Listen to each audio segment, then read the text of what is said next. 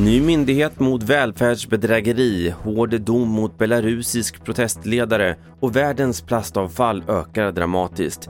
Men först i TV4-nyheterna om att Socialdemokraternas riksdagsledamot Inge Stålgren från Oxelösund lämnar sin plats i riksdagen, det rapporterar SVT Nyheter.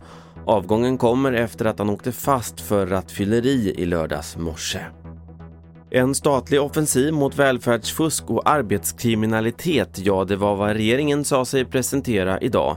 Det innebär bland annat fler razzior mot byggarbetsplatser men också en ny myndighet som ska bekämpa välfärdsfusket. Vi hör finansminister Magdalena Andersson. Tanken är ju att den här myndigheten ska hjälpa till att upptäcka mer komplicerade fuskupplägg som enskilda myndigheter har svårare att identifiera kan till exempel vara så att någon får ut sjukersättning men samtidigt de facto arbetar aktivt som företagare men döljer det genom att använda en bolagsmålvakt. I Belarus har domen fallit mot den sista av protestledarna från förra året som fortfarande var kvar i landet.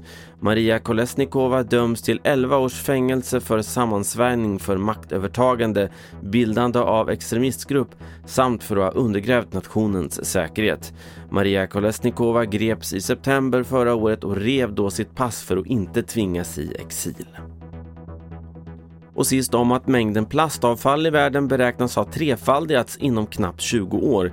Det här visar en ny rapport från Världsnaturfonden som konstaterar att det kommer att finnas hisnande 29 miljoner ton plastavfall i världen till 2040.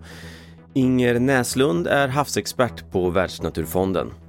Rapporten visar att det kostar tio gånger mer under plastens livscykel att ta hand om den Eh, miljömässigt, ekonomiskt och eh, samhällsmässigt än vad det kostar att producera den.